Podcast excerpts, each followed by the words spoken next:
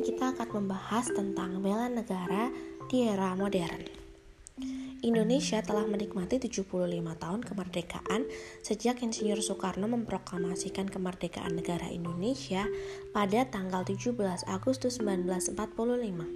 Masa perjuangan untuk membebaskan bangsa dari kolonialisme dan penjajahan yang penuh darah serta menelan banyak korban pun akhirnya usai. Meski demikian, bukan berarti pada masa ini rakyat Indonesia dapat dan boleh bersantai-santai saja dalam mengisi kemerdekaan. Status negara Indonesia masih merupakan negara berkembang. Seharusnya dapat memacu semangat rakyat Indonesia untuk melakukan tindakan-tindakan yang dapat memajukan bangsa dan negara, serta mengharumkan namanya di kancah internasional. Ini yang dimaksud dengan bela negara di era modern. Kini perjuangan bangsa tidak lagi tentang darah, penjajahan, bahkan peperangan. Bentuk bela negara kita sebagai warga negara di era modern lebih banyak berkaitan tentang bagaimana kita bisa tetap memajukan negara Indonesia dengan menjunjung tinggi akar budaya yang telah terbentuk sejak lama. Tapi juga bukan berarti kita tidak perlu melakukan persiapan jika sewaktu-waktu diperlukan untuk membela negara dalam bentuk militer atau sebagainya. Berikut ini adalah bentuk-bentuk bela negara yang bisa kita lakukan di era modern. Satu, adanya pengabdian sesuai profesi. Dengan mengabdi sesuai profesi, kita ikut andil dalam upaya memajukan bangsa Indonesia. Terlebih jika kita mengabdi di negara sendiri, tentu dampaknya akan lebih besar dan lebih nyata. Dua, mengamalkan nilai Pancasila.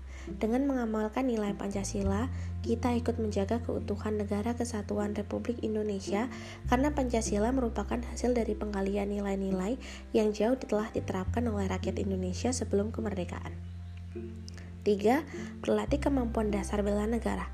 Meskipun kita hidup di era yang relatif lebih damai jika dibandingkan pada masa perjuangan kemerdekaan, bukan berarti kita bisa abai terhadap ancaman militer yang tentu belum hilang dari dunia ini.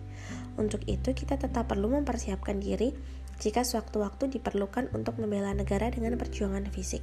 Di antara kemampuan dasar yang perlu kita persiapkan adalah kesehatan fisik dan mental, kemampuan berpikir dan kecerdasan, keyakinan terhadap agama yang dianut, serta menjaga persatuan dan kesatuan antar warga. Dengan telah merdekanya Indonesia sejak puluhan tahun lalu, bukan berarti kita sudah tidak punya kewajiban untuk berjuang membela negara. Kewajiban itu masih tetap ada, hanya saja caranya yang berbeda. Kita tidak diharuskan lagi mengangkat senjata dan mengorbankan jiwa raga. Kita hanya perlu mempertahankan kemerdekaan yang sudah ada dengan cara-cara yang baik sembari tetap mempersiapkan diri jika sewaktu-waktu diperlukan untuk berkorban yang lebih besar. Oleh karena itu, mari kita manfaatkan era yang relatif lebih damai ini untuk melakukan hal-hal yang bermanfaat bagi bangsa dan negara Indonesia. Sekian, terima kasih telah mendengarkan.